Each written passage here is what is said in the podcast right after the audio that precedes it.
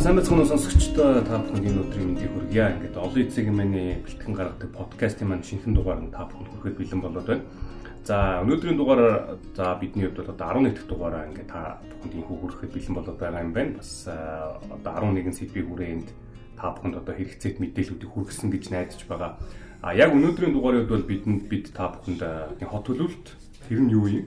Түүнийг юу яаж хэрэгжүүлсэн одоо өнөөдөр одоо энэ үүнийг хэрэгжүүлэх нь хэр ач холбогдолтой юм а бусад улс орнууд яаж хэрэгжүүлсэн юм туршлага байдгийн гэдэг талаар бас та бүхэн баг зэрэг мэдээлэл хүргэе гэж бодоод одоо энэхүү дугаарыг бэлтгэн хүргэж байгаа. За тэгээд өнөөдрийн маань дугаард бидэнтэй одоо хамт ярилцахаар а Fuji Development Company хэрэглэгчийн үйлчлэгээний албаны дарга ноён Батсайхан за мөн хөгжлийн бодлого төлөвлөлтийн институтын захирал хадагтай нар хүрэлцэн ирсэн байна. За та бүхэнд өдрийн дүргий. Өдрийн сайн байна уу? За сайн байна. За тэгээ юуны өмнө цаг зав зарцуулаад манай подкаст хүрэлцэн ирж оролцож байгаа та бүхэнд баярлалаа. За тэгээд ерөнхийдөө одоо өнөөдрийн ярилцах сэдвийн хүрээнд яг сайн хэлсэнтэй хот төлөвлөлт гэж яг юу юм бэ? Энэ яагаад одоо юу чухал байд юм бэ гэдэг талаар хэдүүлээ асуултаа эхлээд ярилцвал зүгээр юм болов уу гэж бодлоо. Ladies first шүү дээ. Аа, ерөнхийдөө л одоо яг миний анзарч байгаагаар бол Монголд энэ талаар агих сонирхдаг болсон байна. Яг ярилцдаг болсон байна. А энэ нь цаанаа ч гэсэндээ дандаа асуудалтайгаа холбоотой. Яг энэ чиглэл дээр хотод тэр тусмаа одоо хүн амын баг 50% 48% гэж яригдчихэж байгаа шүү дээ. Аль биесээр оршин суугаад амьдраад ингээд эхэлэнгүүт бүгдээрээ нэг дор байхад маш олон төрлийн хотчлолтой холбоотой асуудлууд цаанаас урган гарч байна. А дээрэс нь одоо монголчуудын хамгийн их тэр тусмаа Улаанбаатарт хамгийн их яригддаг зүйл нь Зүйл талбайд улсын үед Улаанбаатар хотын төлөвлөлтийг хийгээд 500-аад мянган хүнд зориулаад тэгээ тэрнээс хойшоо ямар ч төлөвлөлт хийгдэг учраас одоо даацсан хитэрсэн ч гэдэг юм уу тий нэг тийм иймэрхүү одоо сул дил сул ярианууд айгүй их явагддаг. Аа тэгээд дээрэс нь одоо бидний өдөр тутмын амьдралд угаасаа энэ хот хотын төлөвлөлтгүй байдлаас болоод үүсэж байгаа асуудлууд бол маш ихээр байгаа. Одоо яг энийг нь хот төлөвлөлтөй холбоотой гэж шууд утгаар мэддэггүй юм ойлгодгүй тохиолдлууд их байдаг болохоос жишээлбэл төгжрэлтэй төгжрэл бид нар өдөрт хамгийн багадаа ер нь бол дунджаар хүн 2 цаг алдаж байгаа. Аа тэр 2 цаг алдахад хичнээн хэмжээний эдийн засгийн алдагдалд хувь хүн болон улс орн ордог вэ гэдэг ийм тооцоолол судалгаал одоо жишээ нь хамгийн ихний хэлжинд бол бүх улсад хотод байдаг бол манад одоо байхгүй байх жишээ нэ. Гэхдээ одоо ингээд нөө цаанаасаа энэ хот төлөвлөлт гэдэг зүйл хэрэгтэй шүү гэдгийг ингээд гаргаж ирээд байгаа асуудлууд нь өөрсдөө үүдэн гараад байгаа учраас те бидний өдөр тутмын амьдрал тохиолдоод байгаа учраас энэ бол нэлийн hot topic болж яваад байгаа гэж ойлгож байгаа. Аа тэгэд хот төлөвлөлтийг бол ерөнхийдөө одоо түрүүний тэр яриатай холбоод ярих юм бол бид нар барилга барьчаад юм уу? Эсвэл одоо ямар нэг зүйл хийчээд нүдх ингээ урсгал засвар гэд байнгын шинжилэн сайжруулж явдаг та. Жил болгон тий усаас төсөв гаргаад сургуулиудыг заснаач гэдэг юм уу? Тиймэрхүү байдлаар явдаг бол а манай хотод одоо ямар нэгэн газар нутгийг ерөөсөө яг 40 мянган хүн амьдрна гэж бол даацыг шууд утгаараа төлөвлөдөггүй а төлөвлөлт нь тийм хэмжээнийх гэж байдаг байхгүй. Газар нутг нь юм уу те? Тэр дэд бүтцнээс илүү төлөвлөлт нь өөрөө тэдэн мянган хүнд гэж зориулагдсан байдаг. Тэгэхээр энийгээ бид нар өөрсдөө байнгын шинжилгээ сайжраад сайжруулад тэгээд тухайн хүн ам нэмэгдэх тутамд нөгөөдхөө 5 5 жилээр юм уу те бүрэн байдлаар шинжилж явах хэрэгтэй байсан. Энэ шинжилэлтүүд огт хийгдэхгүй байснаас болоод тэрхүү одоо хэдэн жилийн 50 хэдэн жилийн өмнө гаргасан төлөвлөлт нь өөрөө хоцрогдоод гэдэг яриа үүсэж байгаа байхгүй. Бол нь бид нар байнга сайжруулж явах хэрэгтэй байсан. Апдейтлах хэрэгтэй байсан. Тэрийг хийгээгүй. Одоо бол энэ рүү нэлийн асуудал босных нь хойно орж эхэлж байгаа. Тэгээд э, маш олон төрлийн дахин төлөвлөлтийн төслүүдийг хэрэгжүүлж эхэлж байна. А өшөө гадагшаага хотод хийх бодлого одоо явуулж эхэлж байна тий. Энэ бол нөгөө хүн амынхаа хүн амдаа зориулсан хөтөлбөрүүдээ яг тухай тухайн газар нутагт нь хэрхэн зориулж хийх вэ? А ямар ямар асуудлуудыг үүгээрээ шийдэх вэ гэсэн юм олон талд одоо төлөвлөлт явагдах хэвээр шатн дээр нэлийн critical point дээр ирчээд хийж эхэлж байгаа. Олон талт асуудал тэгээд шатарааллаар нь бодож үзвэл одоо нэг ямар шатараалтай явж байгаа гэж үзэж болох байна. Яг тэгээд дахин төлөвлөлт хийснээр одоо ингээд нэг 13 мөр оноос хойш ингээд хийгээд яваад шүү дээ. Тэр хотыгоо яг хідэн үнд хот болох гэдэг гэсэн үг. А ингэж байгаа шүү дээ. Одоо бол 1.5 сая орчим хүн амьдарч байгаа гэсэн юм хардаг байна тийм. Гэтэ Монголд одоо зуны цагт орж гардаг зуулчаад аа дээрэс нь өвлийн цагт одоо ингэж ирж суушаад явдаг оюутнууд ч гэдэг юм уу тийм. Нэг юм бас хөдөлгөөнтэй хүн амын тоо бол 200 мянга орчим байгаа байхгүй юу. Тэгээ эдгээр хүмүүс болон бидний хийж байгаа төлөвлөлт яг хэрэгжээд дуусахдаа дахиад энэ хүн ам 2 сая юм уу 3 сая хүрлээ гэхэд хангалттай тийм бүх төрлөөр нь ингээд хангаж яхаар амьдралын чанар хүний эрх аль аль нь зөрчигдөөгүй байхаар гişлийн ингээд юм боломжит нөхцөлийг бүрдүүлэх хэрэгтэй. Ганцхан одоо байгаа асуудлуудыг шийдэхээс гадна тий бид нарт тийм сайхан орчинд амьдрах хэрэгцээ байгаа штэ. Яг өнөөдөр а тиймэрхүү улсын одоо төсвийн боломжтой ч гэдэг юм тэрэндээ тааруулаад дандаа нэг юм зөвхөн гал унтрах байдлаар асуудлуудыг шийдэ яваад иж болохгүй. Тэгэхээр нэм өсөө одоо ингэ төлөвлөх шаардлага бол байгаад байгаа. А тэгтээ миний харж байгаагаар бол одоо яг хүнийхээ үүднээс юм уу те тийм яг энэ чиглэлийн мэрэгчлэний үүдээс харахад бол голдонд хамаарал байхгүй яг нэг юм нэгдсэн хатгсан одоо нэг чиглэл байхгүй.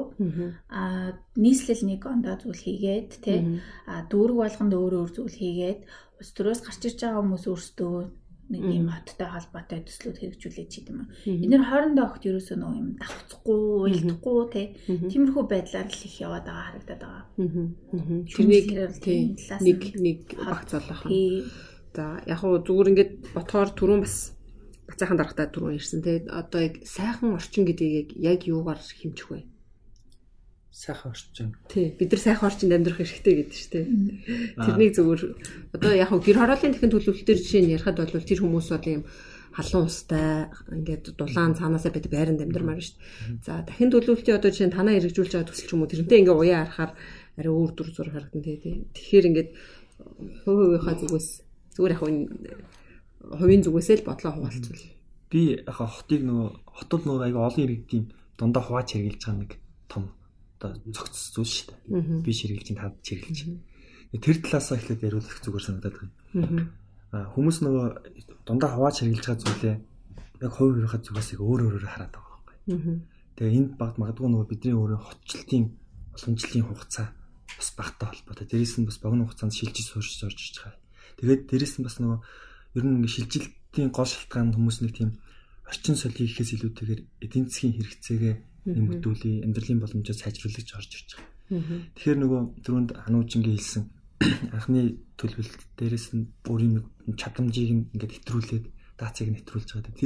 Тэгэд энэ том асуудал үүсчихэж байгаа учраас энэ тохирсон энийг нөгөө асуудлуудаа хараад за ийм ийм тулгарсан асуудлуудаа энийг нь шийдвэрлэе. Тэгээ тулгарсан асуудныг сайн таны асуудыг хүмүүсийн нэг хүсэж байгаа зүйл нь шүү дээ. Сайхан зарим нь бол магадгүй хотод удаан амьдарсан хүмүүс бол яг одоо байгаа орчноо бас магадгүй өмнө их гоё тог тухтай байсан чинь тэр нь эвдэгдэх чингүүд энийгээ сайжруулах гэж хүсэж байна. Аа магадгүй энэ хотын захад байгаа ч юм уу бас шилжиж суурж ирсэн хүмүүс яг одоо саялдаг усанд орох хэрэгцээгээ, ус авах хэрэгцээгээ, дэд бүтцийн тог цоглохын хэрэгцээгээ хангуулъя гэдэг нэг юм.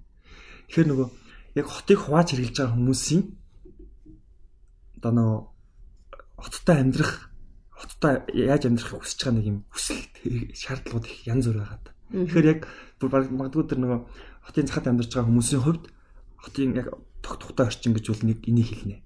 Хотын төвд яг ингээд амьдрал удацсан хүмүүсийн хувьд хотын тог тухтай байдал гэж энийг хэлнэ. Хоёр хянзын ойлголт. Гэхдээ эсэм дээр бол нэг л асуудал явж байгаа.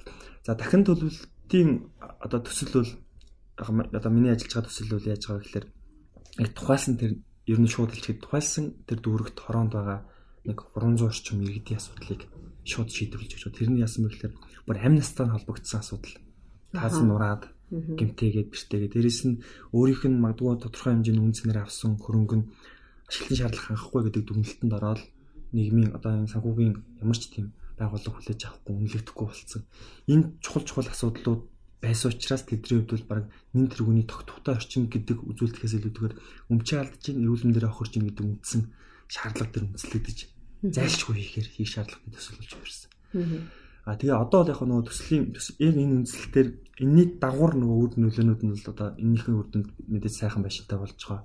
Хүмүүс одоо магадгүй 10 сая төгрөгийн үнэтэйсэн зүйл нь 200 сая төгрөгийн үнэтэй болж ингээд дахин шинжлэгдэж өгч байгаа нь мэдээж тухайн хүний хувьд бол аль аль талаар нөгөө сайн нийлдэг хэрэгцээ бүр хангад өчөж байгаа. Түрүүнийг үнцний асуудал дээр дахиад нэг асуулт байна. Түрүүн хоёлаа ингэ ярилцлаа сууж хаад аа одоо нөгөө хуучны байшингуудыг чинь дүнэлт нь гарахаар үнцнийг болчдөг гэдэг нэг ярьж байсан шүү дээ. Та тэрэн дээр яг манай сонсогчдод яг нэлийн дэлгэрэнгүй тайлбарлаж өгвөл. За хуулийнх нь гаргалгатай хэлээ те. Гаргалгач авахт нь хуулинд яг мөр залтай ашиглалтын шаардлага хангахгүй гэдгийг тогтоохдоо нөгөө нэгжлийн хяналтын одоо яг энэ барилгын техникийн асуудал хариуцсан мэрэгчлэлтэн хүсэл тавиад төрийн байгууллага төлөөлөөд тэгээ мэрэгжлийн байгууллага мэрэгжлийн хяналтын байгууллагад хандсны үндсэн дээр мэрэгжлийн хяналтын ахлах байцаагчийн одоо шийдвэр гардаг. Энэ байдлаар амьдарч болохгүй гэдэг. Амьдарч болохгүй шалтгаанууд нөөрэ дөрөвний идэг техникийн одоо болоод энэ насжилтын асуудлууд. Тэнгүүд яадаг вөхлөр нэгэн тал ингээд тэнд амьдарч болохгүй үйл ажиллагаа явуулж болохгүй хэрэглэхэд боломжгүй болсон учраас энийг шууд утгаараа ойлгосон ч гэсэн ямар ч нөгөө хэрэггүй болчиход болж байгаа. Тэгтэл нөгөө хүн чинь өмчлийн гэрчлэгээ аваад өөрийнх нь нэр дээр нэг бүртгэлтэй хөрөнгө гэж тавьчихдаг. Тэгээд шууд нөгөө нэг талаасаа иргэд төрийн байгууллага ч юм уу бусад байгууллагын хувьд бол танд бэрхшээл учирцаа таны амнисанд маш их хөрөлтэй зүйл байгаа учраас за энийг ашиглаж болохгүй гэж нөгөө хүн зориулж хэлж байгаа боловч буцаад яг нөгөө өмчтэй байсан хүний хувьд бол энэ эрүүл мэнд нэрээ тийм шүү гэж бас бодож байгаа. Тэгтээ маш том эдийн засгийн хохирол болчихж байгаа Тэгэхээр ялч нөгөө дүнэлт гарсны дараа тухайн байшинг банк ус банк тэгээд бас зарж болдгоо худалдаж болдгоо хин нэг шилжүүлж болдгоо барьцаанд. Одоо чинь яг яг тийм тийм байшингууд бол дүнэлт нь гарсан яг ямар амар биш юм байна. Дүнэлт нь гарсан яг нөгөө дахин төлөвлөлтийн төслийн өрөөнд бол нийтдээ 234 барилга байгаа.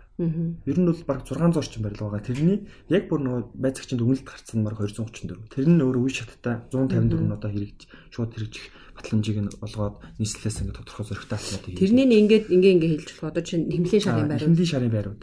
Дээрээс нь удирдлагын академийн одоо урд байгаа нөгөө ажилчдад зориулсан байр сүрээгийн одоо 20 гэж ярьдаг. Зайсангийн одоо бидний алхахдаг Чингисийн хүрээгийн тэн хажууд байгаа. Дээрээс нь а одоо энэ зүүн тишээ Баянзүрх дүүргийн захаад захаад байгаа. Дээрээс нь одоо энэ нөгөө тээврийн дэд сургууль, хуучин төмөрлөмийн дэд сургуулийн хажууд талд байгаа яг зам дагуулах байрууд бас ашиглах шаардлага болсон. Мөн одоо энэ нарны гүүрийн баруун талд байгаа одоо хуучны тэр нөө тээврийн төвчөөний шар байрууд. Ингээд бүр яг бүр тоочны. Тэгээ тэрнийх нь бас дахин төлөвлөлтийн ажлууд нь ихлээд иргэдээ гаргацсан юм байна. Тэгэхээр ч бас удацсан л байлгаа. Тэгэхээр Улаанбаатарын анхны хэл барилгын хэлний ихэнх баригдсан байлгаа баг тийм. Тэгээ энэ тус нүг юм ойлголтын зэрэг бас арилгах хэрэгтэй чи. Би тий энэ миний зүгээр хувийн харж байгаа зүйл. Одоо нөгөө 50-аас дээш жил болсон барилгыг түүхийн дурсгалт соёлын одоо хотын нэг юм өв болгодог юм ойлголт байт юм лээ. Энэ бүр ганцхан манад чихгүй болов устай байдаг. Тэгчингүүд нөгөө бас зарим талаараа заавал хуучин барилгуудыг заавал нураах хэрэгцээ байгаа мó хүчтгэл хийгээд нэг хуучны өвөр тэнд хүний дурсамж явж байгаа хүний амьдрал явж байгаа гэдэг ойлголтод бас гардаг. А мэдээж мэрэгжлийн байгууллагууд бас ингээд судалгааны үр дүнд яасан бэхлээр хүчтгэл хийгээд нэмэргүй физик болоод бусад техникийн бүр өршөлт ингээ автцсан. Тэгээд одоо нэг юм хүчтэй хийсэн ч дахиад нөгөөх нь нэг юм үнцний ч тэр амьдрах хүчний 5 дахин хувьд ч тэр дээрс нөгөө барилгач тухайн нөгөө барилгуулч өөрөө нэг юм бүрэн структуртэй шүү дээ. Одоо нөгөө дэд бүтцтэйгээ холбогдсон барьсан. Тэрийг шинжлэх гэдэг нэг юм маш тийм том асуудлыг үүсгэдэг учраас зүгээр нэг ингээд барилга бодож байгаа юм шиг шийдчих бас боломжгүй зүйл. Яг хоо тэрэн дээр бас яг одоо тэр орцсон байгаа газрууд бол нөгөө хуучны барилга гэдэг үнцнээ дагаад бас жоохон хямдхан байдаг гэж магадгүй одоо шууд л хэлсэн. Тэгээд тэгэхээр тэнд байгаа бас нөгөө орчин нөхцөл чинь өөрөө бас өөрөө хэцүү болсон байдаг те. Яг тэр талаас нь харуул бас дахин төлөвлөгөө шинэ байр байшин бариад үн цэнтэй болгоод ирэх ирэх хэрээрээ хүмүүс чинь бас соёлж жоод бас хот маань бас нэг хотчиг харагдах магадaltaй болоо. Гэтэ яг уу бүр яг түүхэн дурсгал барилгаач одоо нураа ич гэж ярьж аач хэрэгч байсан шил тэ. Тэгээ кейс кейсээс л болдог. За гэр хорооллын дахин төлөвлөлт дээр яг э, ямар байгаа вэ гэсүүд та бол яг хувийн туршлага туршлага харахаар яг энэ тал дээр төлхөө ажиллаж исэн гэсэн. За тэгэл гэр хорооллын дахин төлөвлөлт ер нь дахин төлөвлөлтийн асуудлыг харахаар нийслэл иргэн компани гэсэн нэг гурвалжинд л ингээд маргаа явдаг шүү дээ. Энэ тал дээр бас та нэг сонсогчтой. Ерөнхийдөө одоо хиний саяны сайхнагийн ярьсантай харьцуулах юм бол гэр хорооллын дахин төлөвлөлтийн төсөл нь илүү олон асуудлыг шийдэж идэг. Аа эдэн одоо яг иймэрхүү төвд байгаа тий яг орон сууцнаас орон сууц руу ингэ шинжилж байгаа бол илүү соёлын асуудлыг, үнцний асуудлыг шийдэж байгаа байхгүй юу. Одоо энэ нөгөө хаал зохицолбарын төслийг жишээ нь очиж үзсэн л дээ. Тэгээ тэгэнгүүт ямар давуу талнууд гарч ийнэ гэхэлэр тэнд байгаа хүмүүсийн тэр чигтээ амьдралын орчныг нь тухайн орчинд нь те ямар нэг юм үн цэнийг нь алдагдуулахгүйгээр илүү нэмэгдүүлээд аа дээрэс нь ингээд соёлыг бүхэл бүтэн тэнд ингээд соёлыг тэр чигт нь апгрейд хийж байгаа нэг тиймэрхүү одоо community гэж ярьдэн штэ. Community гэдэг би бас яг сайн Монгол руу орчуулж чадахгүй байгаа юм одоо тухайн хэсгийн амьдардаг одоо юм хүн амын бүлгэмж гэх юм уу те тэр хэсгүүдэд бол тэр хүмүүст бол одоо яг амьдралынхаа үн цэнийг бол буцаад болчихоо. А гэр хорооллын дахин төлөвлөлт болохоор яалтчгүй одоо маш хэцүү нөхцөлд ингээд амьдарч байгаа хүмүүс тэр асуудал эдийг шийдэж өгч байгаа масаар нь хөрсний бохирдол, агаарын бохирдол тий дахиад тэр хүмүүс бүгдэнд нь одоо хүний эрхээр хамгийн энгийнээр хангагдах ёстой байдаг. Хүний эрхийн зарчмууд байгаа штэ. Хүн цэвэрс одоо амьд явах хэрэгтэй. Цэвэрс хэрэглэх хэрэгтэй, цэвэр агаар амьсгалах хэрэгтэй гэдэг чинь амьд явах хэрэгтэй. Бүгдээр орж байгаа эрүүл байх хэрэгтэй тий. Тэднийг бүгднийг одоо биелүүлж өгөх үүднээс. А дээрэс нь одоо дид бүтцүүд рүү бүгд нөрөө нь холбож байгаа. Тэгэхээр одоо Улаанбаатарын дид бүтцийг төлөх тэлэх юм бодлого тэр чигтээ явж байгаа. Тэгээд дээрэс нь одоо тэдгээр хүмүүсийн хамтран нэг доор амьдрах нэг юм соёлыг шинээр бий болгож өгч байгаа байхгүй. Маш олон айл ингээд өөр өөрсдийнхөө хашаанд тус тусдаа өөр өөрсдийнхөө нэм барьсан барилгад те амьдрдаг бол тэднэрт юу ийм стандартын үн цэн бүхий. Насан туршдаа одоо ингэж яах өмч. Аа яг амьдрах юм эрүүл сарвал орчин. Тэднийг бүгднийг бүрдүүлж өгч байгаа болохоор илүү олон асуудал шийдэж чадж байгаа. Аа гэхдээ аль аль нь бол мэдээж хийгдэх ёстой зүйлсүүд. Яа тэгэхээр одоо зөвхөн нөгөө нэг юм асуудалтай зүйлс рүү ингээд хандаад анхаарат хас гадна. Ер нь бол хот хот дотроо байгаа бүх хүний эрхийг яг тэгш хангаж явах хэрэгтэй гэдэг. Тэгэхээр тэр үднээсээ бол би аль алиг нь бол яг зөв одоо тийм шинжлэх дахин төлөвлөлтийн төслүүд гэж бодож байгаа. Тэгээд гол нь харагдаж байгаа зүйл нь болохоор яг энэ хүү гурван талт харилцаан дээр миний бодлоор бол нийслэл гэх юм одоо улс талаасаа тий паблик талаасаа contribution маш бага байд юм шиг санагдаад идэв. Одоо би нөгөө өөрөө болохоор яг private талаас нь ажиллаж исэн. Хувийн байгууллага талаас нь тийм хувийн хвшил талаас нь ажиллаж исэн. Тэгэнгүүт хувийн хвшил бол маш олон рискийг өөрсдөө авдаг. Тэд нар тэрхүү олон асуудлыг өөрсдийн мөнгө хөрөнгөөр шийдэж идэг.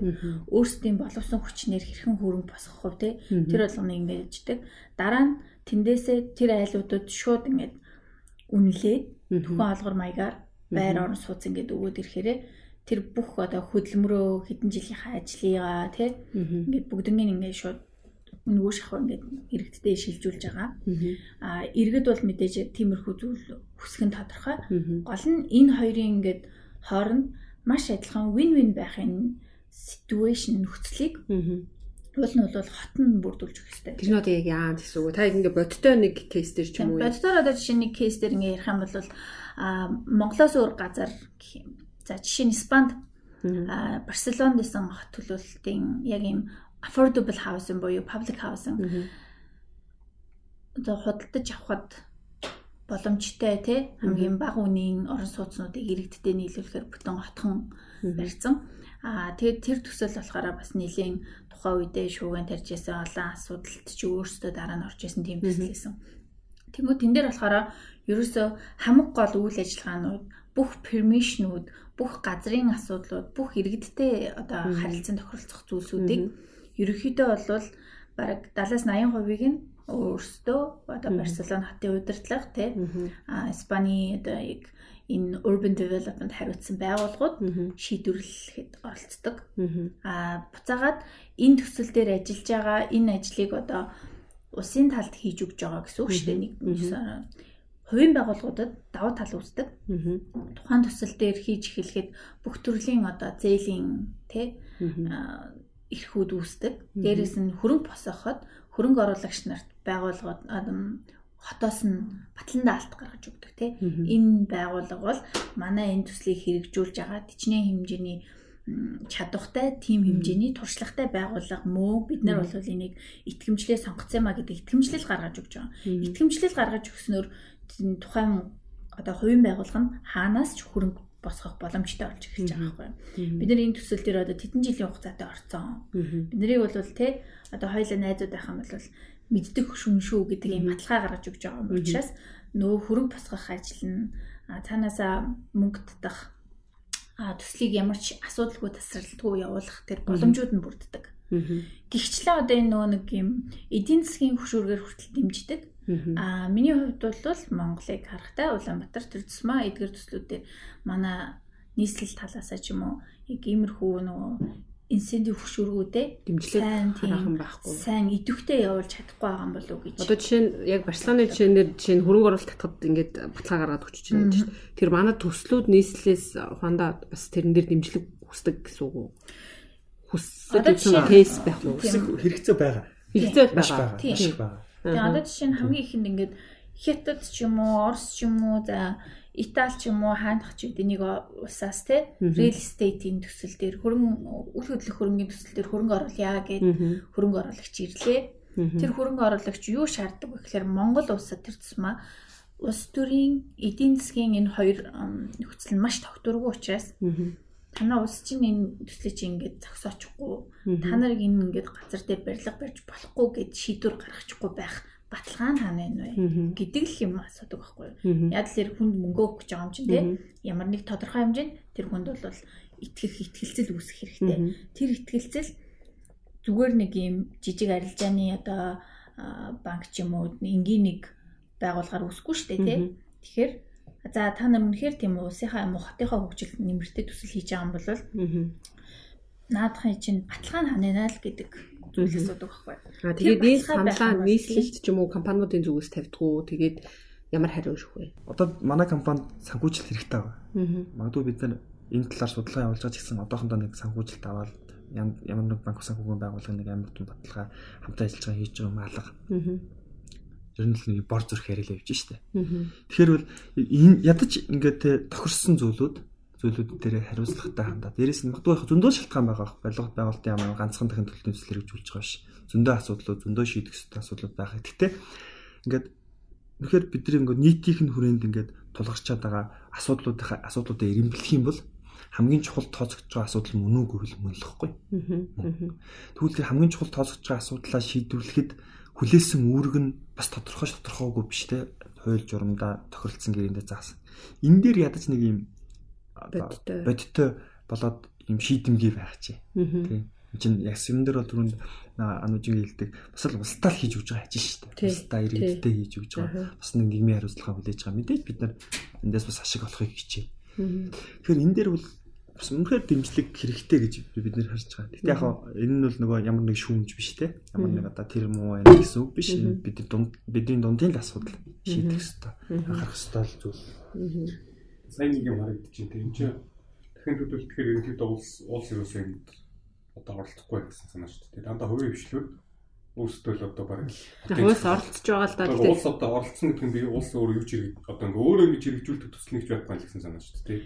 Ингэдэж штэ. Одоо манай Монгол зүгээр ингэ айгүй энгийнээр хүмүүс ойлгохоор нэг жишээ ярих юм бол хүмүүс маш их мод тарьдаг байхгүй. Гэтэ модоо усалдаггүй. А тэгтэл модыг тарихтаа биш услахтаа хамаг ажил нэгдэг тий. Яг энэ зарчмаар ер нь ихэнх төсөл хэрэгждэг. Ямар нэг асуудал байна. Аа наадхаа чинь энэ асан төслөөр хэрэгжүүлчих болох юм байна. Төсөл хэрэгжүүлэх нөгөө улаан туузаа хайчилдаг ш тий. Цаа цаашаага ерөөсөө нөгөөх нь ингэж шивжиж өгсөн. Тий шав. тавьдаг тий нэг ингэ дараа нар ирээд. Яг энэ асуудал бол угаасаа ерөнхийдөө одоо ингээ бүх салбарт бүх ажил дээр ингээ харагдчихэдэг л та. Тэгээ бид нар нөгөө ингээ нөтхөө одоо юм болохыг боддгоо те нөх хүүхдээ гаргачаад нөх хүмүүжүүлэх ч юм уу боловсруулахыг боддгоо гэдэгтэй адилхан асуудал болчиход байгаа байхгүй. Тэгэнгүүт энэ дээр нэгдүгürt одоо хамгийн их нь мэдээж нөгөө модод тарьж байгаагийн маш их хэмжээний хөрөнгө зардал тэгээ хөгжүүлнэ гэдэг чинь ингээд шууд хаягддаг. Гэтэ зүгээр хин нэг нь тэрнийг тэнцээ мод тарьсан гэдэг нэр идээд ингээд үлдээд идэх шиг юм асуудлууд аяг хөөсдөг. А нөгөө талаасаа одоо энэ дахин төлөвлөлтийн төсөл эсвэл зүгээр а орон сууцны хотхон одоо ингэ барьж байгаа төслүүд байна шүү дээ тий яг цэвэр бизнесийн зорилттой. Энэ хоёрын ялгаа нь болохоор тэн дээр дахин төлөвлөлтийн төсөл нь өөрөө Улаанбаатар хотын юм уу ямар нэгэн хотын хийх ёстой дид бүтцийн асуудлуудыг бүгднийг хийж байгаа байхгүй юу. цэвэр усны шугам сүлжээ те цахилгааны шугам сүлжээ а одоо шаардлагатай болвол дид станцууд аа тэнцэн шаардлагатай болвол байх ёстой автозамууд автобусны зам буудал те гудамжны гэрэлтүүлэг. Эдгээр бол тэр чигтээ нийслэлийн төсвөр нийслэлийн ажил ахгүй юу? А эднэрийг бүгднийг хийгээд тэнд хотынх нь нэг хэсгийг ингээд байгуулж бүрдүүлж ингэж хөгжүүлж өгж байгаа гэдэг харилцаа чинь л гол нэг гурван юуны харилцаа штэ. А эргээд тэр нь нийслэлийн иргэн амьдарч байгаа хгүй хотын иргэн амьдарч байгаа. Тэр хотынхоо иргэний өмнө хүлээсэн нийслэлийн юм хотын үүргийг нь а гуравдагч байгууллагаар хийлгэж байгаа ийм л харилцаа. Энэ зохицуултын дунд 33 33 33 хувиар хариуцлага байх хэрэгтэй байх. А иргэд за өөрсдийнхөө байрыг гаргаж өглөө өөрсдийнхөө газрыг өглөө те оронд нь тэр хэмжээнийхээ улсын хэмжээнд үнэлсэн үнэлгээнийхэн дагуу орон сууцаа авъя хамгийн түрүүнд зөвшөөрөөд гарлаа ажил хийх процессыг нь илүү амархан болгож явуулж өглөө гэдэг байдлаар тэмдэл оролцож болж байгаа. Тэгэнгүүт нийслэлийн юм уу хотынх нь одоо яг тэр төслийг хэрэгжүүлээд байгаагийн үүрэг нь хаана байгаа юм бэ? Хэрэгжүүлж байгаа үйл явц нь хаана байгаа юм бэ? Тэ процесс нь where гэдэг л болчиход байгаа байхгүй. Тэгээ бид нэр зүгээр ингээд батламж өгөө за чи энэ газар дээр энэ айлуудын газрын оронд нь орон сууц барьж болно гэж орхих бол зөвхөн орон сууц барих хэмжээний асуудал болчихж байгаа шүү дээ. Нөгөө бусдыг нь хийж байгаа. Ядаж тэднийг ингээ хийх хөрөнгийг шууд гаргаж өгдөг ч юм уу. Тэрний төлөвлөлтний асуудлыг шууд шийдэж өгдөг ч юм уу тий. Буцаагаад энэ энэ дэд бүтцүүдэд холбогдож байгаа энэ дээр амьдрах байгаа иргэдийн амьдралын асуудлыг хурдан шийдэх талаас нь явуулдаг ч юм уу. Ерөөсөө бодлого бүх төрлийн дүрм журм а бүх төрлийн зөвшөөрлөөрөө энийг дэмжиж явах хэрэгтэй байхгүй юу? Аль болох хурдан. А тэгээд шууд хөрөнгө мөнгө мэдээж одоо нэг орносод барихт нь оруулгээгүй шүү дээ тий. Зүгээр тэр хөрөнгө мөнгө босгох байдалд нь яаж дэмжиж болох юм? Одоо яг дэмжлэг бол ерөөсөө байхгүй байгаа гэж хэлж байна. Захимж гэж байдаг тий. Яг энэ дээр нөгөө бас нэг нөгөө чухал үнцэг бас хэлэх хэрэгтэй хаа. Тэр нь болохоор би нөгөө төсөл хэрэгжүүлэлтийн хүрээнд эхлээд эдийн засгаар ажиллаж байгаа хугацаанд бас нөгөө яг энэ төслийг хэрэгжүүл, ер нь том төслийг хэрэгжүүлэхэд маш их хэмжээний мөнгө хэрэгтэй шүү дээ. Санхүүжилт хэрэгтэй. Тэгээд санхүүжилтийг хэрхэн бүрдүүлэх юм бэ гэдэг чинь өөрөө маш том асуудал. Тэгээд яг нийслэл төрийн байгууллагын оролцоодоо төрийн байгууллагын төлөвлөгөөнд нь орсон ажлын жишээ бол энэ саяных. Тэгэхээр нөгөө одоо нийслэл дээр ярил л да. Нийслэл дээр яг энэ ажлыг хэрэгжүүлэхэд зарцуулах хөрөнгө ер нь л манай нөхцөл хэцүү. Ер нь боломжгүй. Бидний нэг судалж үзэж байгаа нийслэлийн өөрийн төсөв. Төсвийг төсвийн хуваарлалт нь ямар нөлөө. Нийслэлийн иргэд бас бүр бярта татвар төлдөг илүү те. Нийслэлд амьдарч байгаа гэдгээ мэдэрдэг илүү бас энэ аягүй чухал бас. Тэгэхээр нөгөө яг энэ санхүүжилтийн хүрээнд бол бас үнэхээр боломжгүй гэж бид нар харж байгаа. Аа тэгээд харин яг нөгөө дэмжлэгийн хувьд бол түрүүн дануужийн хэлдэг бид нар газар гаргаж өгч байгаа. Дахин ашиглалтын шаардлага хангахгүй барилгыг буулгах төсөл дээр бол нөгөө газрын гаргаж газар нийслэлийн өмчийн газар. За дэд бүтцийн асуудлыг нь одоо ухтаж шийдвэрлэж өгнө. Үгүй юм а гэхэд шийдвэрлэхэд хэрэгцээтэй байгаа тэр зөвшөөрлүүд дэм бодлого нэмэлтгээр дэмжлэг үзүүлнэ аа хилцээр хийхэд бас зохицуулалтын үүрэг гүйцэтгэх нь иргэн хувийн хвшлийн оронд. Тэгээ нөгөө бас нэг юм проблем бас нэг бидний яригдаг хаягчаад байгаа проблем манад нөгөө юм яг хав үнэлгээний газрууд үйлчлэгээ явуулдаг газрууд бол байна. Ялангуяа үйл хөдлөлттэй. Гэхдээ тэр нэг юм нэгдсэн дуны стандарт байхгүй. Хүн нөгөө газраа ч юм уу мэдээж хүн өөрийнхөө өмчийг хэдээр үнэлнэ үү тэр хүний асуудал ч гэсэн энэ бас нэг юм дундаа баримтлах зарчмын зүйл байх ёстой шүү дээ. Бүр зарим тохиолдол төр бол замбраагүй бүр одоо юм үнэлдэг. Тэрнээс нь болоод ингээ ажил явуулдаг ийм асуудал бол энэ ч бас л нэг нийслэлийн. Гэтэ энэ дээр бол нийслэл тодорхой дэмжлэгүүдийг үзүүлдэг л дээ. Энэ бас үзүүлдэг гэж хэлж болохгүй. Тэгэхээр яг нөгөө яг би бол нөгөө тухайлсан төсөл дээрээ холбож ярихад манай зүгээс бол яг нийслэл тодорхой дэмжлэгүүдийг үзүүлж байгаа харин нөгөө хурдцаа. Тэгээ нөгөө яг энэ тухайлсан тухайлсан ажлуудынхаа үр дүн үзэхэд хүлээсэн үүргүүд дээр л нэлээд биелүүлэхгүй байна. Нэлээд яг биелүүлэхгүй байна биш нэлээд анхаараа л гэж байгаа юм. Нэлээд анхаарах хэрэгтэй зүйлүүд байгаа л гэсэн. Тийм илүү хурд мөрчлөөд энэ шиг ингээ цаанаа зээлтэй байгуулаа гэдэг тий. Зээлийн сараад гэж байгаа. Яг тийм хэлдэг бүр өдрөөр тасагдаж байгаа байхгүй хэмжээний зээл хэмжээний айлуудаа байр байр түрээслээд байранд оруулцдаг түрээсийнхэн сар болгон мөнгө төлж байгаа. Сонирхолтой жишээ бид сард 60 сая төгрөг түрээсэлдэг Аа за. Дөнгөж эхэлж байгаа үед. Нарлын түрээсийн зах зээлийг нэлийн дэмждэг байгууллага юм шүү. Энд чинь өөрөө автоматар бидний зорилго түрээсийн зах зээлийг дэмжих биш байсан. Гэхдээ энэ том төслийн өөрийнх нь үржүүлэгч нөлөө гэж байна шүү дээ. Хийж яг би том төсөл гэж яриад байгаа шиг зүгээр барилга энэ чинь барилга дундаас томдоо орно. Энэ төслийн нөгөө орчин тойронд эдийн засгтаа үзүүлж байгаа үржүүлэгч нөлөө нь ингээд давхар дам дам ингээд бусад сервисүүдэд дэмжиж өгдөг. Бид нэр дахин төлөвлөлтийнхээ өрөнд жишээлбэл бүр ингээд сая хүртэл бид 100 м замыг барьсан те 100 м зам тавьж байгаа юм. Зам тавьж өгч юм. Аа бид ногоон байгууламжийн шийдэж өгөх ёстой гэж бүр зааж байгаа. Тэрийгээ ч хийж байгаа. Тэгэхээр нөгөө нэг юм ач холбогдол бол нэлээ ингээд ганцхан тэнд амьдарч байгаа хүмүүсийн асуудлыг шийдэхээс гадна ядаж сайн орчин. Тий, 90 тойрных нь бүтээж өгч байгаа. Бүтээж өгч тий. За, гэр хорооллын дахин төлөвлөлт дээр тэгвэл одоо асуудлууд ямар байгаа вэ? Тэртэл дээр гэр хорооллын дахин төлөвлөлт одоо ерөнхийдөө бол адилхан аа мэдээж хатын төвөөс дандаа гарсан байдалтай байгаа даа штэ. Гэр хороол гэж юу юм бэ гэхээр ерөөсөө аа одоо төвийн дэд бүтцүүдэд холбогдоогүй хэсэг л байхгүй. Тэнд ямар ч цэвэр усны, цахилгааны одоо нөгөө бохир усны шугам сүлжээнүүд те дулаан халуун дулаан дамжуулдаг дулааны шугам сүлжээнүүд байхгүй учраас тэнд гэр хороолоо байгаа. Гэр хорооллыг дахин төлөвлөж байгаагийн гол зорилго нь эдгээр одоо дэд бүтцүүдэд холбох зорилготой. Тэрнээс заавал орон сууцанд ор гээгүү. Өөрсдийнхөө хаусанд амьдарч болно. Өөрсдийнхөө барьсан байшинд амьдарч болно. Гол нь дэд бүтцтэй холбох ер нь бол зоригтой. Тийм зоригтой. Тэгэхээр нөгөө нэг энэ талаасаа ингээд бодоод үзэнгүүт мэдээж энэ нөгөө дэг бүтцүүдийг чинь бүгднгийн ингээд төсвийн хөрөнгөөр ингээд хийгээд авах хэцүү те.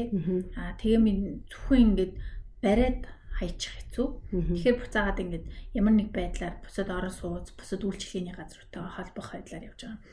Аа гэр хороолт бол давуу тал нь болохоор газар нь одоо илүү амраар шийдэгддэг. Гэхдээ мэдээж одоо яг түрүүнийх шиг газраа маш өндрөөр үнэлдэг. Тэ өөрийнхөө 60 айл нүүлэгчээд 60 айлыг түрээсийн байранд оруулчаад тэдний оронд бүгднтэй гэрээлээ дуусгаад нэг айл нөхгүй байгаагаас болоод газрыг ашиглаж чаддгүй тохиолдол Тэгээ нөгөө айлуудын төрөөсөө төлсөөр л энэ гэсэн үг шүү дээ. Ямар та нар буцаад нөгөө очиж хашаага зоогоо тэндээ амьдраа гэлтэй нь ш. Тэгэнгүүт нөгөөдгөн дээрээ барилга барьж чадахгүй, нөгөө айлтайгаа тохиролцож чадахгүй. Тиймэрхүү асуудлууд бол зөндөө үүсдэг. Аа тэгтээ бол хамгийн хэцүү асуудал нь одоо хүн хоорондын харилцаанаас илүү хөрсний бохирдол гэж юу нь бол хэлнэ. Анх тэр баян зүрх дүүргийн төслийг хэлж яхад манайх барилгынхан хідэн 100 хідэн одоо хідэн зуун жорлон нүүлгсэн ч үлээ дээ. Нэг амар тоодог. Тэг тэр жорлон бол ингээд тэр чигээрээ хоёр алхаа жорлон, хоёр алхаа жорлон штэ. Айлын нэг гişнээс нөгөө алхна, хоёр гурвал алхах чам. Булан болгондоо жорлон тэ тэ. Тэгээ өмнө нь жорлон ухцсан газараа булаад нөгөө байдаг байх жишээ. Жорлон жорлон ингэж яваад голоор нь ерөөсөө худагны одоо цэвэр голд нь цэв худаг байж байгаа жишээ нь тийм хэдийгээр гүнээс татж байгаа гэдэг боловч яг нөгөө жорлонгоо суулгацсан гүн нь баг адилхан байгаа байхгүй. Дээрээс нь хөрс ч өөрөө амьд бит дандаа ингэж хөдөлгөөн шилжилтэнд явагдчихэдэг. Тэр голоор хөрсний гадаргын болонгаа гүний ингээ хичл ингээ усны суугууд явж идэг.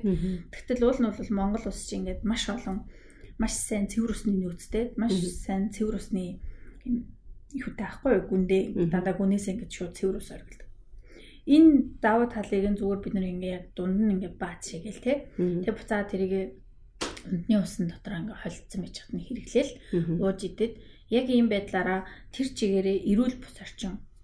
Маш олон төрлийн өвчин одоо ингээ үүсдэг. Тиймэрхүү байхгүй.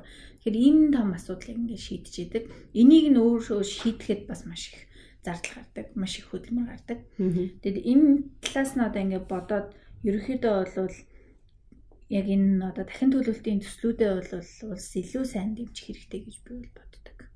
Угаасаа нэг талаасаа үүрэг штэ тий бидний яагаад бид нар дээрээ засагтай яагаад бид нар дээрээ нийслэлийн удирдлагатай ч юм уу байгаа юм. Энд байгаа бүх бидний ингээд орчныг бүрдүүлэх хэрэгтэй хүмүүс. Тэд нар бол яг үүрэг зориулсан тийм. Тэгэхээр бид нар бол ажиллаа хийгээд мөнгө олоод татвараа төлөөд гээд тий иргэдийн үүрэг бол байгаа штт. Тэр татвараар нь тэнд хүний амьдрах quality of life буюу амьдралын чанарыг бүрдүүлж өгч явах хэрэгтэй. Бусад зүйлд ах санаа зовхгүй. Өнөөдөр гараа төгжрөх вэ гэдэгт бол санаа зовхгүй байхгүй бид. Тэгээ энийг ингээд шийдэх нь энэ ажлууд идэг. Тэгэхээр одоо яг энэ дахин төлөвлөлтийн төслүүдийг анханасаа хийгээгүй явж байсныхаа одоо ингээд гор хариунд нь тийм горонд нь одоо илүү сайн хийх хэрэгтэй юм шиг л санагдав. Аа дахин төлөвлөлтийн яг гэр хорооллын дахин төлөвлөлт төр сайн нэг хэсэг зогссон. Тэгээд нэг сая 2 3 хоногийн өмнө дахиад компаниуд шалгаруулж байгаа нэгэд нэг тендер гарцсан. Тэгээд тендер хурлаа болцсон. Яг энэ дээр та яг одоо энэ дотор нь ажиллаж ажилласан ингээд туршлагатай хүний үед нэг өөрийн санал бодлоо илэрхийлээ. Жир нь яагаад зогсож байгаа юм тэр санхүүгийн асуудлаас болоод зогсож гин үү? Айлуудтайгаа тохиролцож чадахгүй байна уу? За нөгөө талаас дахиад нэмэлт асуулт нь иргэдэд нэг зөвлөмж маягаар зөвлөгөөл. Яг одоо тохиролцохгүй явж байгаа. Тэхэн цаашаа мэдээж ингээд нэг тодорхой хэмжээний за 20 30% хэмжээний иргэдийн ийм сөрөг хандлага маш их байдаг шүү дээ тий. Тэгээ тэр сөрөг хандлага бол одоо ингээд манай газрыг авчаад э, яагаад энийг одоо ингээд бид нарыг газарчгүй юучгүй гэр орончгүй болгочлоо энэ барилгын компаниуд гэдэг ийм ойлголт айгүйх байгаад байдаг. А тэгэнгүүт маш олон одоо иргэдтэй өөрөө ч ингээ ярилцаад хэлцээр их гэдэг ингээ уулзаж үзчихсэн. А яг өөрөө барилгын компанид ч бас ажиллаж үзчихсэн. Тэгээ энэ барилгын төслүүдийг ингээ бүгднийг мэддэг хүнийхээ хувьд бол тиймэрхүү одоо ийм хувийн ашиг сонирхлыг те хит илэрхийлсэн хандлага бити гаргаж байгаа чи гэж хүсмээр байдаг байхгүй те. Өнөөдөр надаа би одоо өөрийнхөө байрыг үнэлээд те өөрийнхөө газрыг үнэлээд нэг өрөө байраар сольж болно. А тэгтээ хэрвээ би тэр байранд хурдан орчих юм бол тэр байрны үн надад 40 сая төгрөгөөр байгаа юм бол тэр байрны үн хурдан байх тусмаа би маш олон сая төгрөгийг хэмнэж байгаа байхгүй. Наано цаануутай тэгээ жоохон алсын хараатай тооцоололтой ингээд бодоод үзэх юм бол аль болох тэр төсөл хурдан хэрэгжих нь иргэдтэй өөрсдөд нь хэрэгтэй гэдэг байхгүй. Тэгэхээр иргэд энэ талаас нь дэмжих ингээд бүх боломжоор дэмжих хэрэгтэй байгаа байхгүй. Тэгжээж бид нар чинь ингээд илүү эрүүл сарал орчинд амьдрын штэ. Тэрийг ингээд хийхин тулд бүтэн байгууллага бүх хөрөнгө тэ бүх асуудлаа ингээд шийдвэрлээд энэ ажиллаад ингээд явж байгаа гэдгийг бас ингээд бодож үзэх хэрэгтэй. Барилга дээр ажиллаж байгаа хүмүүс нь л өөрсдөө ерөөхдөө иймэрхүү хандлага аяг их гаргаад байгаа юм шиг санагддаг. Яг яаж бүх ажил явуулж байгааг тэ.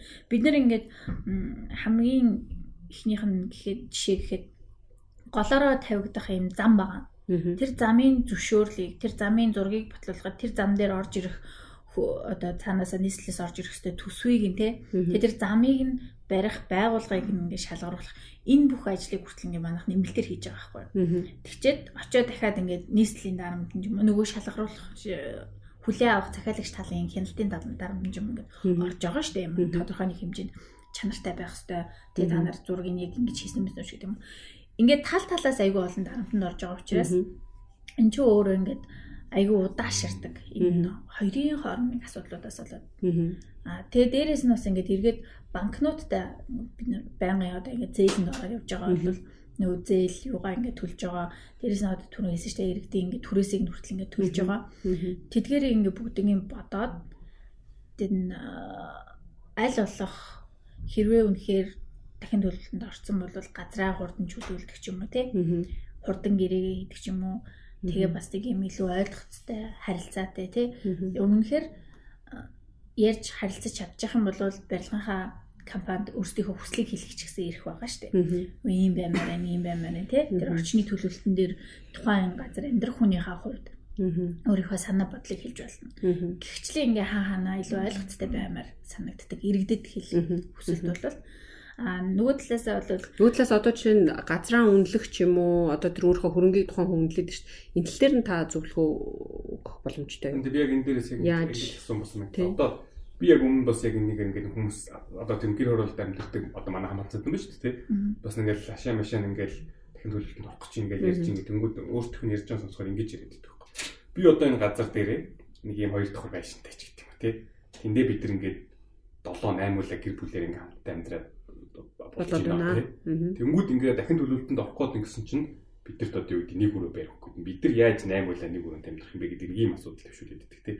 Тэгэхээр нөө энэ дээр сайн юу гэж харагдсан гэхээр за мэдээж нөө газрын үнэлгээ мүнэлгээ баг мага байрны үнээр өндөр өндөр байдаг л тас юуныхаа зах зээлийнхаа чурмаар тийм. Тэнгүүд энд нэг юм жишг байж болдох юм бахта одоо таны одоо юу гэдэг газар тийм тэдэн метр квадрат одоо эсвэл таны байшин одоо энэ одоо байгаа байшин чинь тэд орчим төвний үнэлгээтэй бол та ийм хоёр өрөө барих нь үгүй та та ингээд газартай тэн дээр бүр гэртэй бол нэг өрөө байх юм аа үгүй гурав өрөө байх юм аа ч гэдэг юм нэг юм нөгөө бүгдээрээ ингээд ямар ч хүссэн иргэн ингээ ханаас чамаагүй нэг хороод харцдаг. Тэнгүүд нөгөө нэг юм хүмүүс нэг монжуулж байгаа юм шиг нэг юм мэдрэмж төрөд тийм ээ л та. Нөгөө би ингээд амар том газар очиод оронд нь ганцхан байх гээд ингээд юм бодоодох шүү. Тэгэхээр тэнд нь уг нь та одоо ингээд таны газар чи ерөөсөө яг ингээд улсын жишгээр ерөөсөө яг энэ төрнээ гэдэг. Нөгөө бүс бүстэй өөр өөр байгаа ч гэсэндээ нөгөө ингээд нэг юм жишг бийж гэдэг бол уг нь та бүхэнд тохиолцоход амар жишг үнэлгээ байгаа шүү дээ. Энэ яг энэ дээр би нөгөө яг манайхтаас адилхан юм байна. Шингэлгээтэй холбоотой. Аа нөө хувийн эрх ашиг гэж нөө байгаа. Нийтийн эрх нийтийн эрх ашиг гэж байгаа тийм. Ер нь хот төлөвлөх ажил, мадуу нийслэлийн захирагчийн нэг манлайлалын энэ ажил чинь ямар учиртай ажил вэ? Нийтийн эрх ашиг нөлөөлөж явж байгаа шүү дээ. Нийтээрээ хэцүү байдалд орчлоо. Гэр оролд амьдарч байгаа энэ олон мянган өрх мэдээж та нар зовлон байгаа бас та нарын гаргасан үр дагаврыг нийтээр бусад хүмүүс чинь бүгдээрээ адилхан хүртээд байна тийм усаараа амьсгалаараа төвжирлийн цагаараа. Эн чинь нийтийн асуудал. А яс юм дээр би яг зүгээр шууд хэлэхэд нийтийн асуудал чухлуу хувийн эрх ашиг чухлуу гэдгээл эхлээд тохирч байна нийтих гэж бол бид нар нийт нийтэд нь тулгараад байгаа асуудлыг шийдвэрлэхэд эхлээд эренбэ тогтоогоод. А энэ дунд бол мэдээж нэг хувийн хувийн өмчийг үнгүүдүүлэхгүй хувийн хүнийг хохироохгүй таны хэлдэг хувийн хүнийг монжуулахгүй асуудал мэдээж явагдана Тэр чинь тэхийн тулд бас зохицуулт байгаа. Тэхийн тулд энэ чинь хууль дүрм үйлчилж байгаа. Бас манайх арчилсан нийгэм шүү дээ, тийм. Хүн өөрөө энийхэд л тэмцэх хэрэгтэй. Тэгэхээр одоо бид нар бидний яриад байгаа зүйл бол ер нь фокус нь хотод маань тулгараад байгаа асуудлыг шийдъя л гэж явж штэ. Тэгээд мэдээж одоо таны өмч наа чи байгаа. А энэ дээр нөгөө яг одоо би бол наа чи жоох хэцүү байх гэж бодож байна. Жишээлбэл Монгол гэртэй айлыг ингэж үнэлнэ. Энэ бол баг боломжгүй. Яг тэгэхээр хин ч гэсэн тийм үстэй өөрийнхөө өмчийг үнэлэх нь тухайн хүний эрх. Гэхдээ энэ тунд нэг саяны хэлдэг нөгөө хувийн эрх шиг нийтийн эрх шиг чи ингээд хотод амьдарч байгаа учраас хотын үе шимийг хотын эргэлдэж байгаа энэ мөнгнөөс хувь хүртэж тав тухтаа ингээд нэг хөгжиж байгаа учраас энийхээ төлөө чи бас хариуцлага дээ. Энийхээ төлөө чи хотын иргэний үүргээ манайхан чи нөгөө би нураагаад байна би ингээд алдчихлаа би ингээд түрээсээ орон сууцсан завж ин мэдээж тэгж байгаа. Гэхдээ энэ асуудал чи өөрөө урт хугацааны олон оролцогчтой бид нар бас анх удаа энийг хийж байна. Сорилтууд байна. Эний жоохон түрүүн анаа хэлдэг те наануу цануутай. Бас нэг юм нэг жоохон хэрсүү байгаа ч. Нөө citizen гэж ирдэг шүү дээ. Мэдээлэл. Нөгөө талаас нь нөө хотод амьдарч байгаа гэдэг утга үүсэж байгаа юм. Яагаад хотод амьдарч байгаа юм бэ? Хот гэдэг нь ерөөсөө те таны хамаг үйлчилгээнүүд түрүүний хэлсэн амьдралын чанар ингээд тав алхаад музей үзээ, тав алхаад кино үзэх боломжтой те. Өнөөдөр тийм юм руу явлаа. Юмар ялаа яг хар замаар ямар ч асуудалгүй явах нь тэнд ингээд бүх төрлийн зохицуулж яж ин гимт хэрэгээс хамгаалж ин 9 жорын ингээд давуу талууд үүсэж байгаа. Энэ давуу талуудыг олж авч байгаагаа хувьд иргэн хүн үүрэгтэй байхгүй юу? Ямар тодорхой нэг үүрэгтэй. Тэр үүрэг хүлээж байгаа гэдгийг миний бодлоор бол одоо жаахан хатуухан хэлчихэд нэг манайхан ерөөсөө ойлгож амжаагүй байх шүү байгаа. Яагаад тэгэхээр манай Улаанбаатар хот чинь маш залуу хот шүү дээ, тий. Бид нэр дөнгөж энэ хотчлтын процесс Монголд одоо явагдаад нэг удаагүй 100 жил ч болоогүй байгаа байхгүй юу?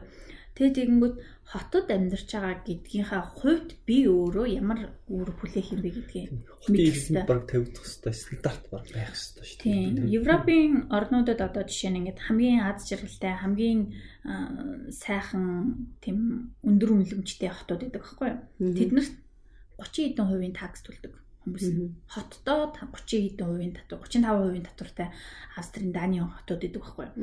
Тэгээ яагаад юм бэ гингүүд тэр хүмүүс юу гэдэг вэ гэхээр өө би энэ хотод байгаагийнхаа хувьд тэ цалингийнхаа 3-ны 1 ингээд ямар ч асуудалгүй хүчиж штэ. Тэгээд оронд нь тэнд ингээд надад хэрэгтэй байгаа бүх зүйл байна. Тэр бол тэр хүн авч байгаа үс сервиснийхоо төлөө төлбөр төлж байгаа юм байхгүй. Service гэдэг чинь яг буцаага хот дээр ангууд public service гэж олон улсад хэрэглэгддэг. Нэгсэндээ төр бидэнд үйлчилж байгаа, нийслэл бидэнд үйлчилж байгаа, хот бидэнд үйлчилж байгаа л явц байхгүй. Тэгмэд бид нар тэр үйлчилгээнүүдийг авж байгаагийнхаа хувьд тодорхой хэмжээнд буцаагаад өгч явах хэрэгтэй. Яг энүүгээрээ дүрмээрээ хэрвээ би үнэхээр өөрийнхөө газар дээр энэ миний газар, энэ миний эзэмс юм. Би энэ дээр яавал ч яана гэж ингэж хайрцаа тий. Энэ бол би энийг 600 сая гэвэл 600 сая гээ сууж исэн хүн байдаг байхгүй манай юм дээр. Нэг газар дээр нэг хашаан дотор бүр ингээд маш жижиг 0.7 гааг 4 айл хуваагаад авцсан тий. Тэгэнгүүтээ тэр дөрвөн айл нь дөрүүлээ нэг нэг гэртээ нэг нэг байшинтай. Байшингаач нэг орон сууцаар нүлээл нөгөөх нь ч нэг орон сууцаар нүлээл ингээд иж болохгүй шүү дээ тий. Хэрвээ тэгэхээр бол хамаагүй Улаанбаатараас гараад өөр газар очиод ямар ч төсөлгөө тэр ингээ газараа эзэмшээ тэрийг хэдэн зуун сая яриач үнэлсэн тэр үнийг хэрэг байхгүй юу. Аа нийгэмд байгаа миний ирэх бусдын ирэхээр хязгаарлагдана гэдэг энэ нөхцөлд байгаа тохиолдолд тэрийг ойлгох хэрэгтэй. Тийм учраас хамгийн одоо organized хамгийн хөгжилтэй тий хамгийн зохицуулт сайтай хамгийн сайхан хотууд бүгдээрээ маш олон дүрмж өгдөг байдаг байхгүй. Сингапурт even бохиж ажиллахыг хүртэл хориглдог. Аа. Яагаад гэвэл гэхлээр бохоо нөгөө нэг Энд таяад метроны нэг удаа хайцсан байсан чинь метроны хаалга нь гацаад метроны хаалга ганц удаа хатсан тохиол Сингапурчууд тэр чигээрээ хурлаад окей олон нийтийн газар ямар ч бүгд зэжлүүлэхгүй гэдэг ийм дүрм. Энд чинь ингээд тэр чигээрээ би тэр давуу талуудыг эдэлж байгаахан хувь буцаагаад бас ямар нэг байдлаар надаас юм гарч явах хэвэл тийм авж явах авж байгаа бол тий өгж явах хэвээр тийм төрчүүл ингийн амьдрал. Арилжааны утгууд одоо арилжааны сэтлүүд л давмгаалаад байгаа юм шиг байна. Одоо мэдээч нөгөө хүний л ирэх учраас ингээл бас нэг хожичи ашиг хонжоо авчи бас нэг хурдхан шиг одоо баяжаад авъя ч юм уу тийм байна.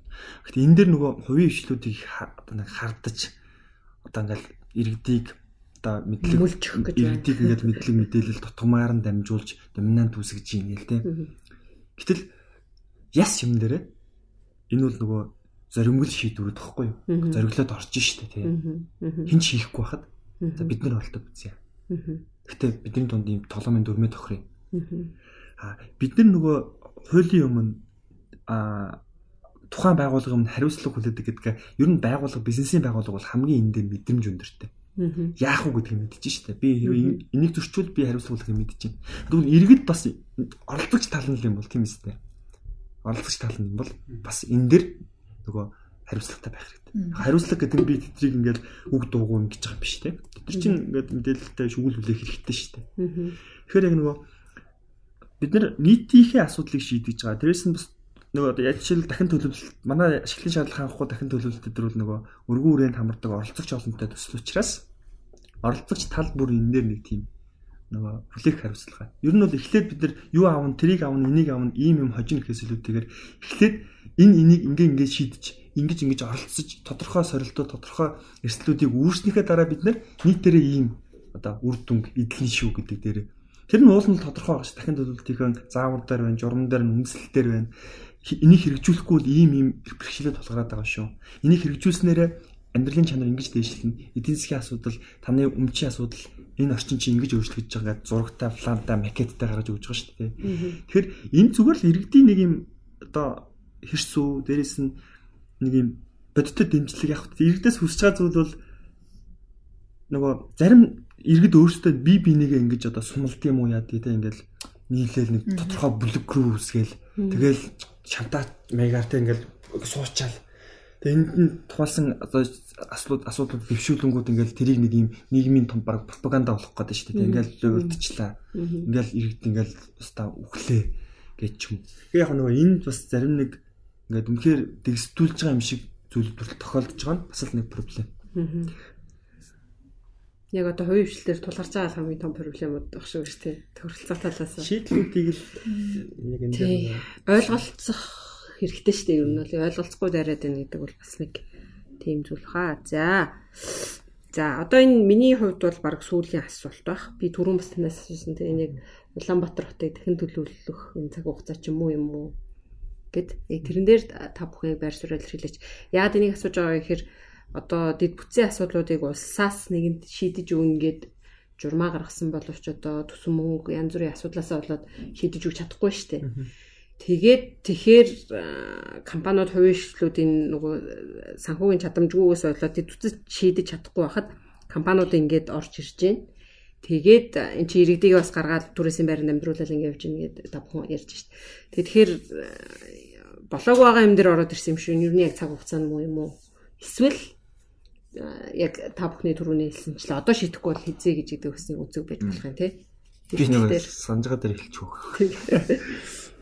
цаг хугацааны хувьд бол болцсон гэж бид харж байгаа. Ерөөсөө бүр хоцорсон тий. Харин зүгээр нөгөө дараалал байгаа шүү дээ. зэрэг пар хийж чадахгүй шүү дээ бид нар. Одоо яадаг л нэг замаа нэг 100 шийдэх гэж бид нар тэр зунжангаа ингээд стресстэй нийгмээр хохирж байгаа шүү дээ. Тэгэхээр тэрнтэй адилхан ингээд хот дотор л болж байгаа, хотын райн дотор л болж байгаа асуудал учраас зэрэг зэрэг асуудлуудыг шийдвэл хөрөнгө мөнгөний хувьд энэ олон хүн чинь бусад хэрэгцээгээд тэрнээс болж яаж хаал одоо ханх уу дээ. Тэгэхээр зүгээр дарааллынхаа хувьд а яг түрүүнд би хэлжсэн хотыг хэрэгжилж байгаа хүмүүс ингээд төвшин төвшөндөө хотын хэрэглээ тухайн иргэдийн иргэдэд үүссэн асуудал нь янз бүр байгаа. За магадгүй дахин төлөвлөлтийн асуудал дээр бол нэг хот дотор яг олон уул зур төр байдаг. Заавал шийдэх ёстой. Тодорхой баг бүч нэг талаараа хотын нэр хүндтэй холбоотой асуудал, нөгөө талдаа хүн иргэдийн амьнастай холбоотой асуудал үүссэн яг энэ нөгөө нэлээ ингээд өндөр болцсон тий. Энэ зүйлүүд дээр бол магадгүй эхэлж хэрэгжүүлэх ёстой. Шаардлагатай зүйлүүдийн аа тодорхой дэмжлэгүүдээ үзүүлээд тодорхой зохицуултуудаа гаргаад тэгээд тэр зөвлөмжүүдийг ялангуяа иргэдийг бэлдэх асуудал их чухал юм шиг байна. Төсөл хэрэгжүүл одоо манайхан бол ялангуяа барилгын салбарын бол үнэхээр мундаг болчлоо шүү дээ. Бүхэл зүйлийг хийж чадчихэв. Харин яг нөгөө тэрийг хэрэглэх гэж байгаа тэрийг тэрнгүй тэрний үр ашгийг авах гэж байгаа хүмүүс бас энд бэлтгэдэг хэрэгтэй. Би ямар орчноос ямар орчин руу шилжиж байгаа вэ? Энд нэр юу анхаарах хэрэгтэй юм бэ гэдгийг.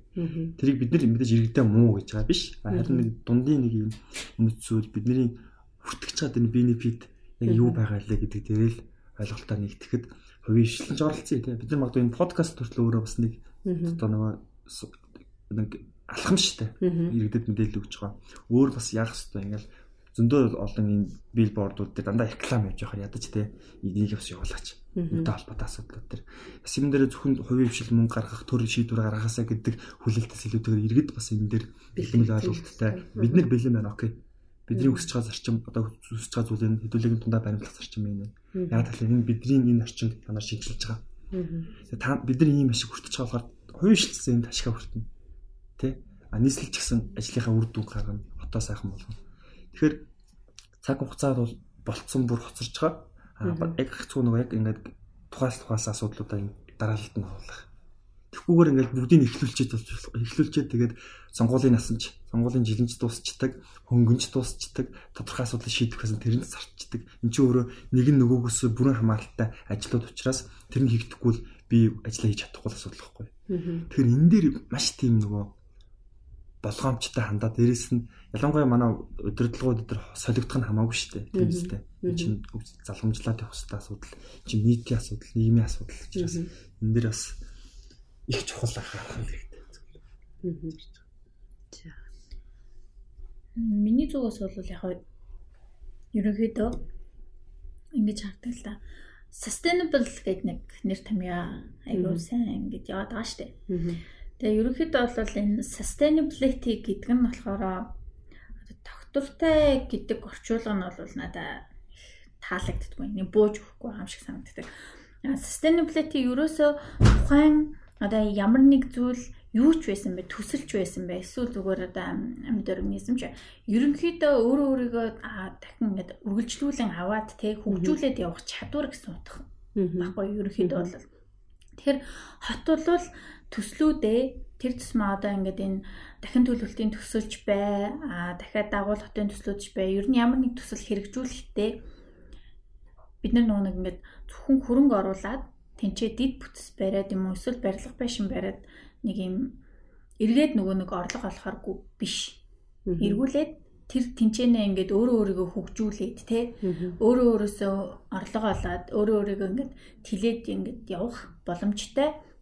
Яг юм маш сайн sustainable одоо хэрвээ үнэхээр модор юм цэцгээр ярил те дорхноо ингээд ургаад хөгжөөд дахиад ингээд өөр шимээ өгөөд тэлээд явах. Иймэрхүү төслүүд рүү илүү орвол зүгээр санагдаад байдаг. Төслүүдээ ч гэсэндээ одоо тэгж хэрэгжүүлвэл те.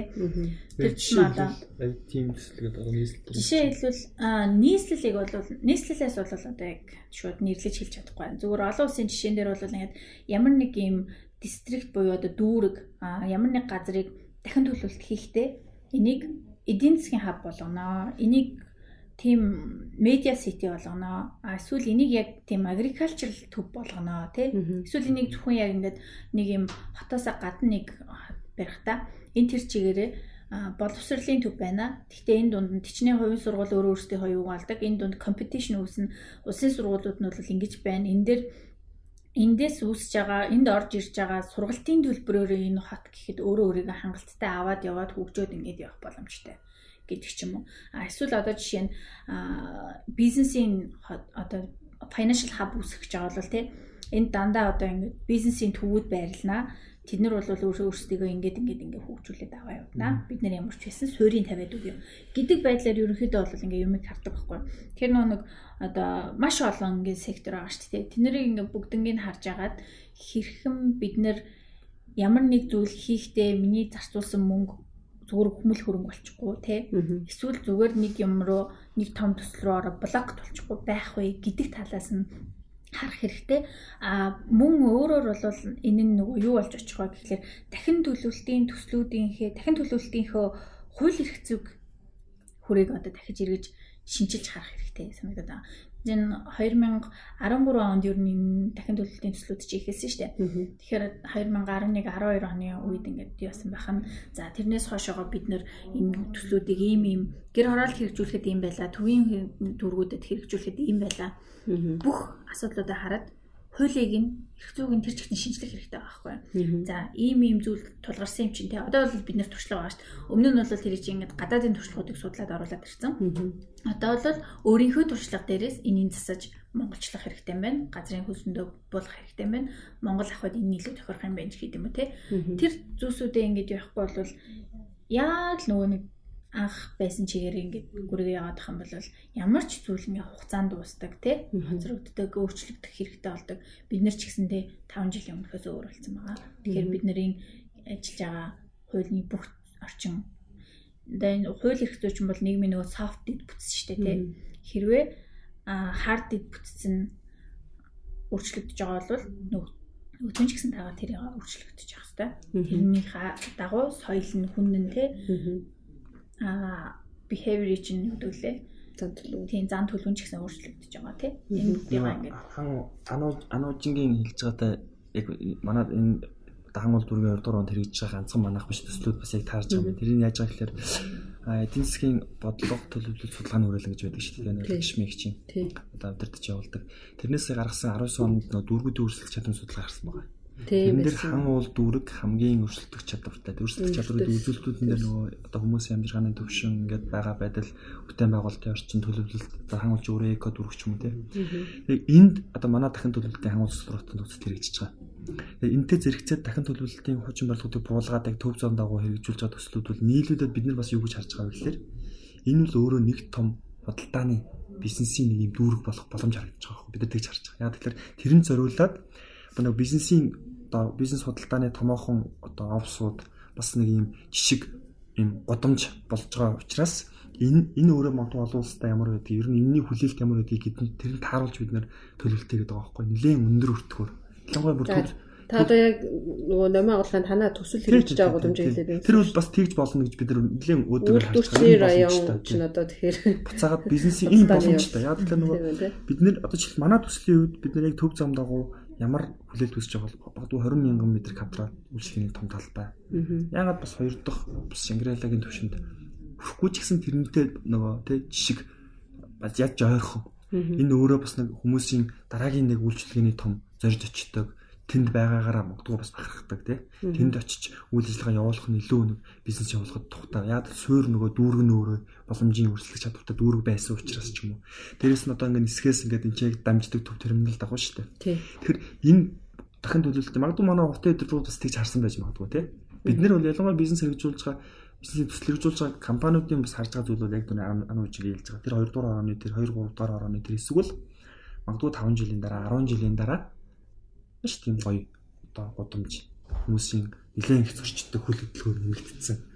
Гэтэ бид тэрэнд бас нэг проблем үүсгэх гээгүй шүү дээ. Төвжирэл үүсгэх гээгүй байгаа. Тэрнтэй зэрэгцээд зам харилцаанд бас шийдэж өгч байгаа. Бас тэгж гоё таарч байгаа. Би тэгж бодлоо сая. Аа. Ирээдүг харсан. Ирээдүг бодлоо шүү дээ. Тэгж харж байгаа. За за тэгээд ямар ч байсан тийм өнөөдрийн манд дугаартай хамт байж биднийг сонссон сонсогч та бүхэндээ баярлалаа. Тэгээд та бүхэнд бас хэрэгцээтэй мэдээлэл өгч чадсан байх гэж найдаж байна. А хэрвээ таны одоо юу гэдгийг асуух гэсэн асуултыг чинь би асууж чадаагүй магадгүй. Бид нар асууж чадаагүй бол та бүхэн манай бас энэ подкастны доор ч юм уу ингээд ийм юм асуугаад чинь фэйсбүүкээр ч юм уу тийм мессеж бичиж бид нар магадгүй дараа дараагийн дугаартаа тэрэн дээр анхаарад эсвэл шаардлагатай гэж үзвэл Таны асуултыг дахиж лавлаа. Хариулсан асуугаад тэрийн комент байдлаар хариулаад бичсэн ч болно шүү дээ. Заавал подкаст гэдэг дараагийн дугаар гэдэг сонсох годох ч шаардлагагүй байж болно тий. Тэгэхээр хэрвээ одоо танд асуух зүйл байвал чөлөөтэй манай подкастны доор бичээд асуугаарай гэж хүсгэсэн. За за тэгээд өнөөдрийн дугаар дээр өнөөдөр бидэнтэй хамт хүрэлцэн ирж энэ хүү подкастыг маань одоо ингээ хийх боломжоор хангасан хоёр зочин болох. За Fuji Development компани хэрэглэгчийн үйлчлэгээний албаны дараа ноён Бат сайхандаа баярлалаа. Мөн одоо хөгжлийн бодлого төлөвлөлтийн төлөвлөлтийн институтийн захирал хадагтай анууч нартай ингээд баярлалаа гэж хэлэх гэсэн юм аа сонсогчдийнхээ өмнөөс. Баярлалаа. Үрж оролцсон баярлалаа. А за ингээд бидэнтэй хамт байсан сонсогч та бүхэндээ баярлалаа. Өдрийг сайхан өнгөрүүлээрэ. All эцэг минь та бүхэнд хамт байлаа. Баярлалаа.